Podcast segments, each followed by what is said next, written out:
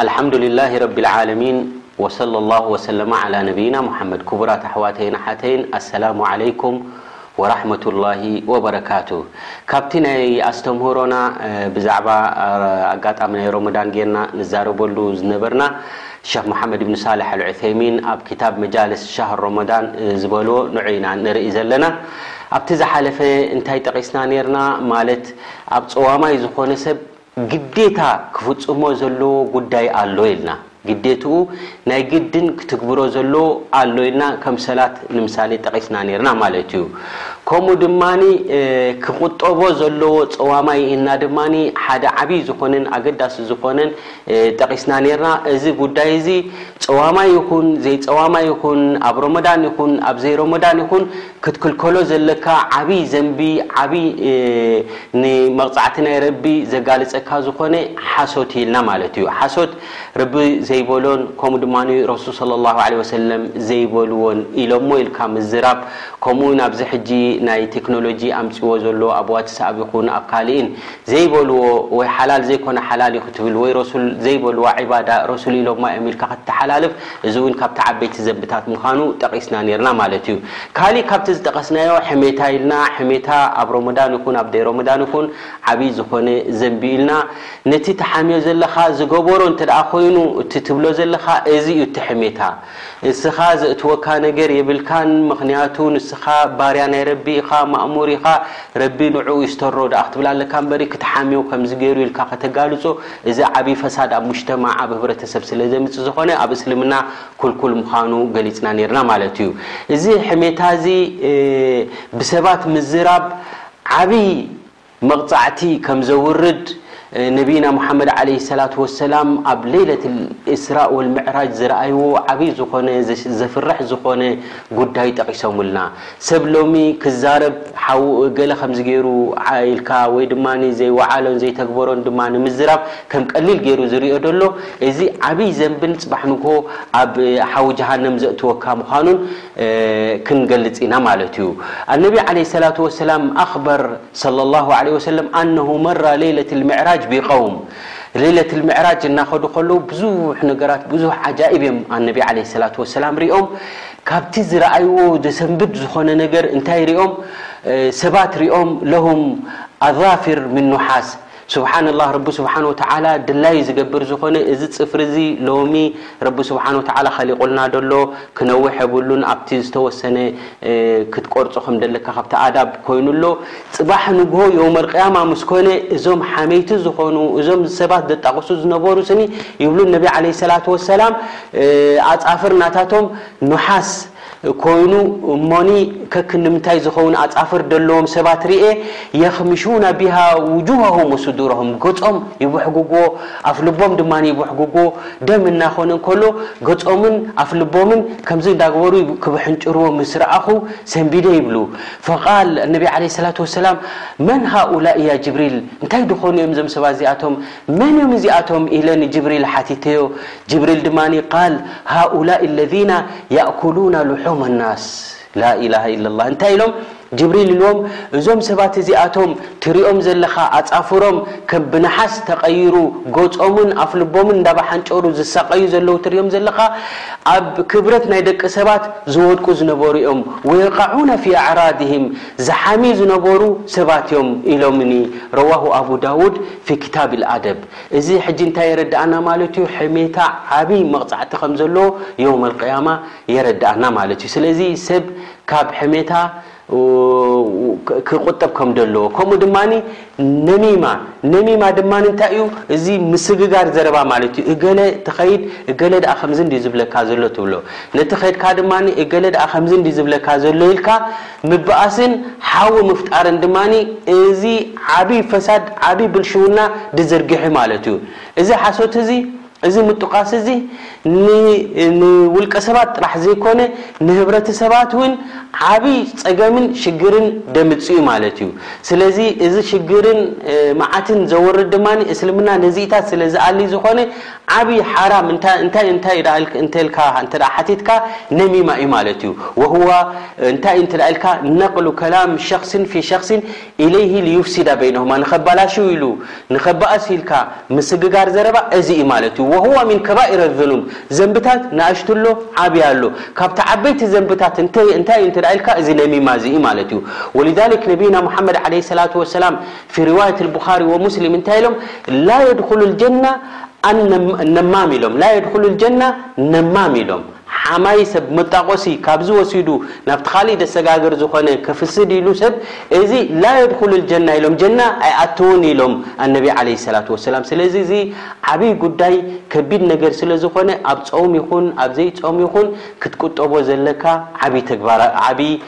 ዘንቢ እዩ ማለት እዩ ወሊዛሊክ እብኒ ዓባስ ረዲየላሁ ዓንሁማ እንታይ ይብል ነቢይና ሙሓመድ ዓለይሂ ሰላቱ ወሰላም ሓደ እዋን ብመቓብር ሓሊፎም ሕጂ ክልተ መቓብር ጥቓን ጥቓን ነይረን ፈቃል እነቢ ዓለይሂ ሰላቱ ወሰላም ብዛዕባ እዘን ቀብሪ እዚኤን ተዛሪቦም እንታይ ኢሎም ኢነሁማ ለዩዓዘባን ኢሎም እዘን ክልተ እዘን ቀብሪ እዚኣተን ይዕዘቡ ኣለዉ ኣብ ዓዛብ እዮም ደለዉ ኢሎም እዚ እውን እንታይ የረድኣና ማለት እዩ ዓዛብ ልቀብር ከም ዘሎ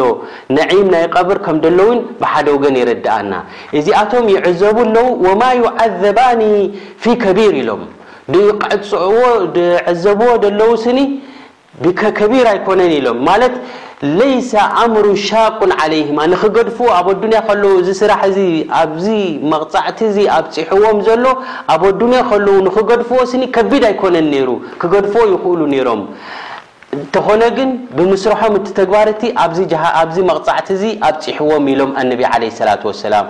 ኣማ ኣሓዱሁማ እቲ ሓደ ኢሎም እቲ ቀብሪ ድቕጻዕ ዘሎ ኢሎም ኣማ ኣሓዱሁማ ፈካና ላ የስተንዚሁ ሚነል በውል ኢሎም ክ ማለት ሽንቲ ደገ ክወጽእ እንከሎ ላ የስተንዝህ ከይጸረየ ከይጸፈፈ እንከሎ ይትስእ ነይሩ ኢሎም። ኣብ ካሊእ ርዋያ ኣሎ ድማ ላ የስተቲር ኢሎም ማለት ካብ ደቂ ሰባት ከይተኸወለ ሰባት እንዳረኣይዎ ጉዳዩ ይፍፅም ነይሩ ማለት እዩ። እዚ ብኸምኡ እዩ ኣብዚ ዓዛብ ናይ ቐብሪ ኣብፂሕዎ ዘሎ። ስለዚ ኣታ ሰብ እስትንጃእ ትገብር ደለኻ ጠሃራ ክትገብር ከለኻ ክትጥንቀቕ ኣለካ ማለት እዩ። ወኣመ ልኣኸር ኢሎም እታ ተገድሰና ማለት እዩ። እዚ ኻልኣይ ድማ ድዕዘብ ዘሎ ኢሎም ፈካና የምሺ ቢነሚማ ኢሎም። ይጣቖስ ነይሩ ካብቲ ዘረባ ይወስድ ናብቲ ሓደ የብጽሕ ነይሩ ብኸምዚ ኦም ድዕዘቡ ደለዉ ኢሎም ኣነቢ ዓለይሂ ሰላቱ ወሰላም ወነሚማ ፈሳዱን ሊልፈርዲ ወልሙጅተማዕ ከምቲ ዝበልናዮ እዚ ምብኣስ እዚ ኣብ ውልቀ ሰባትን ማሕበረ ሰባትን ዓቢ ጸገም ስለ ዘምጽእ ስለ ዝኾነ ተፍሪቕ በይነል ሙስሊሚን ንሙስሊሚን ነንሕድሕዶም ፋሕፋሕ ዘእትውን ኢልቃእ ኢል ዓዳዋ ጽልእን ባእስን ዘምጽእ ስለዝኾነ ዓቢ ሓራም እዩ ወዚ ድማ እዩ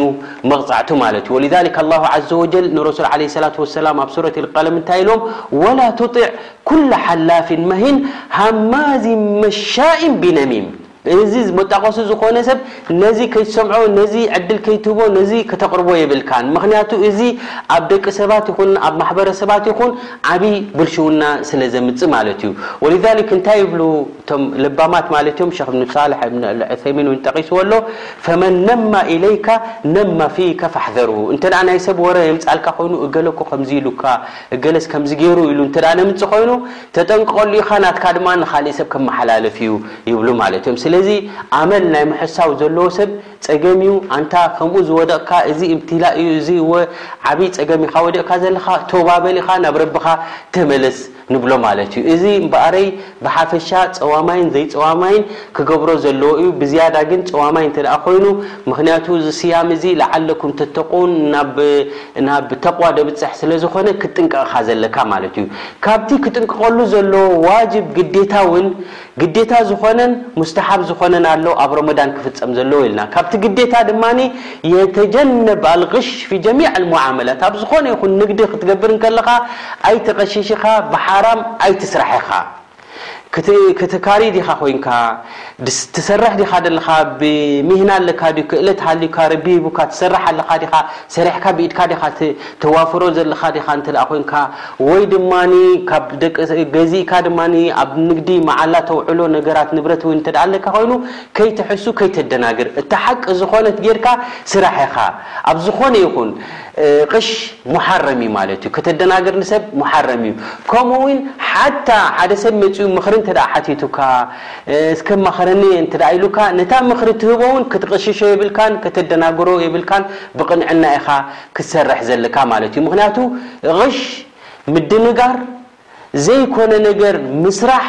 እዚ ካብቲ ከባኢረ ዙኑብ ካብቲ ዓበይቲ ዘንብታት እዩ ወሊዛሊክ ተበረኣ ነቢ ዓለይሂ ሰላቱ ወሰላም ሚን ፋዒሊሂ ሓደ ሰብ እንተ ደኣ ቕሺ ድገብር እንተ ደኣ ኮይኑ ድቕሽሽ እንተ ደኣ ኮይኑ ዘደናግር እንተ ደኣ ኮይኑ ኣነ ካብዚ ሰብ እዚ በሪእ እየ ኢሎም ኣነቢ ዓለይሂ ሰላቱ ወሰላም መን ቐሸና መን ገሸና ፈለይሳ ሚና ኢሎም ኣነቢ ዓለይሂ ሰላቱ ወሰላም እዚ ኣብ ሪዋየት ሙስሊም ዘሎ ማለት እዩ ደቅሺሽ እንተ ኮይኑ ዘደናግር እንተ ኮይኑ ካባና ኣይኮነን ኢሎም ኣስላማይ ከምዚ ዓይነት ስራሕ እዚ ኣይዋፈርን እዩ ኣስላማይ ቁኑዕ ክኸውን ዘለዎ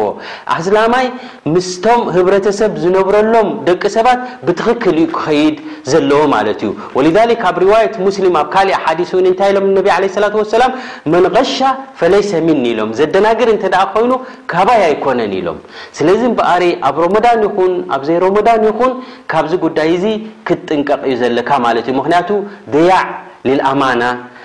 እዚ ኽያና እዩ ማለት እዩ። ከምኡውን ፈቕድ ልሲቃ በይነ ናስ ኣብ ምንጎ ደቂ ሰባት ምትእምማን ክሰኣን እዩ ማለት እዩ። በዓል ገንዘብ ገንዘቡ ሂቡ ክንዲ ብሰላም ገዚኡ ዝኸይድ እናተጠራጠረ፣ ክገዝእ እዩ ማለት እዩ። ኣብቲ ህብረተሰብ ቅልውላው የምጽእ ኣሎ ማለት እዩ። እስልምና ድማ እንታይ እዩ ዝደሊ? ሰላምን ቅሳነትን ራህዋን እዩ ዝዕድም ማለት እዩ። ስለዚ ምድንጋር ኣይፍቀድን እዩ ማለት እዩ። ወኩሉ ከስቢን ሚነል ግሽ ፈኢነሁ ክዝቡን ኸቢሱን ሓራም እዚ ኩሉ ነገር ኣደናጊርካ ተምጽኦ ትድልቦ ዘለኻ ነገራት ትህብትመሉ ዘለኻ እንተ ብምድንጋር እንተ ኮይኑ እዚ ሙሓረም እዩ ጽሉእ ዝኾነ እዩ። ላ የዚድ ሳሒብሁ ኢላ ቡዕደን ሚን ኣላሂ ዓዘ ወጀል ካብ ረቢ ስብሓን ወተዓላ የርሕቐካ እዩ ዘሎ ማለት እዩ። ናይ ኣዱንያ ናይ ዓለማዊ ጥቕሚ ይረክብ ኣለኹ እንተበልካ ካብ ረቢ ትርሕቕ ኣለኻ ጽባሕ ንግሆ ድማ ኣብ ዝዓበየ መቕጻዕቲ ክትወድቕ ኢኻ ማለት እዩ። ስለዚ እዚ ዓይነት እዚ ሙሓረም ኣብ ሮሞዳን ይኹን ኣብ ደይ ሮሞዳን ካብ ቕሽ ክትርሕቕ እዩ ዘለካ ማለት እዩ። ከምኡ እውን ጸዋማይ ክርሕቆ ዘለዎ ከምኡውን ደይጸዋማይ እውን እንተኾነ ኣብ ምሉእ ህይወትካ እውን ክትተግብሮ ዘለካ ሓደ እንታይ እዩ ተጀኑብ ኣልመዓዝፍ ወህያ ኣላት ላሁ ብጀሚዕ ኣንዋዕሃ ኩሉ ሓራም ዝተባህዩ ማለት ሙዚቃ ዓይነት ካብ ረቢ ስብሓን ወተዓላ ካብ ዕባዳ ዘዘናግዓካ ዝኾነ ዓይነታት ናይ ሙዚቃታት ኣብ እስልምና ሓራም እዩ ማለት እዩ ካብዚ ድማ ኣብ ሮመዳን ይኹን ኣብ ዘይሮመዳን ይኹን ሙሓረም ስለ ዝኾነ ክትክልከል እዩ ዘለካ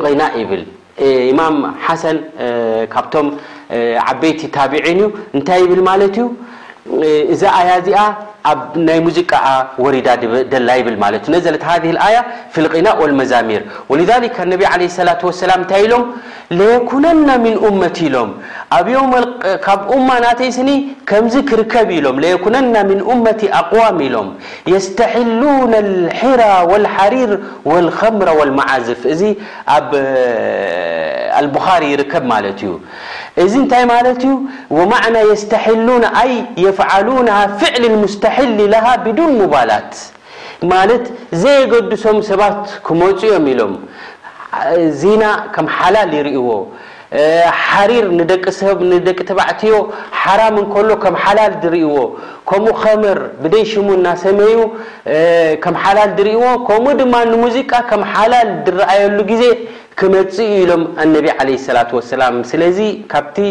ሓራም ምዃኑን ክልኩል ምዃኑን ጸላእቲ ናይ እስላም ድማ እዚ ጉዳይ እዚ ክዝርጋሕን ብልሽውና ክዝርግሑን ስለ ዝደልዩ ድማ ዝዝርግሕዎ ዘለዉ ደኣ እምበር እዚ ሓራም ምዃኑ ዘጠራጥር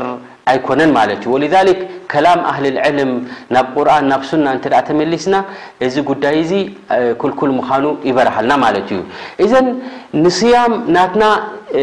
ካብቲ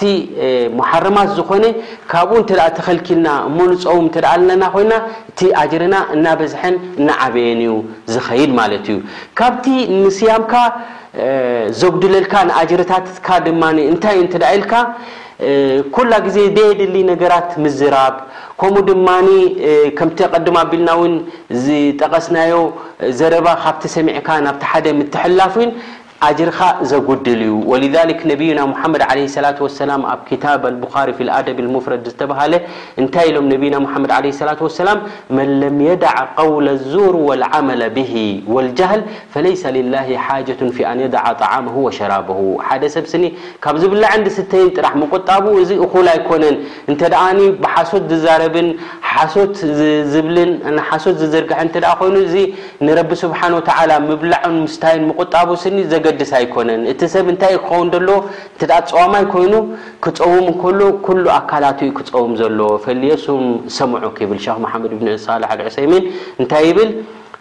እዝንኻ ውን ክጸውም ኣሎዎ፣ ዓይንኻ ውን ክጸውም ኣሎዎ፣ መልሓስካ ውን ክጸውም ኣሎዎ። ካብ ምንታይ እንተ ኣልካ ካብቲ ሓራም ዝኾነ፣ ካብቲ ረቢ ስብሓነሁ ወተዓላ ዝኸልከሎ ካብኡ ክትክልከል ኢኻ ዘለካ። ሮሞዳን እንተ ኮይኑ፣ ጸዋማይ እንተ ኮይንካ፣ እንታይ ኢኻ ክትከውን ዘለካ፣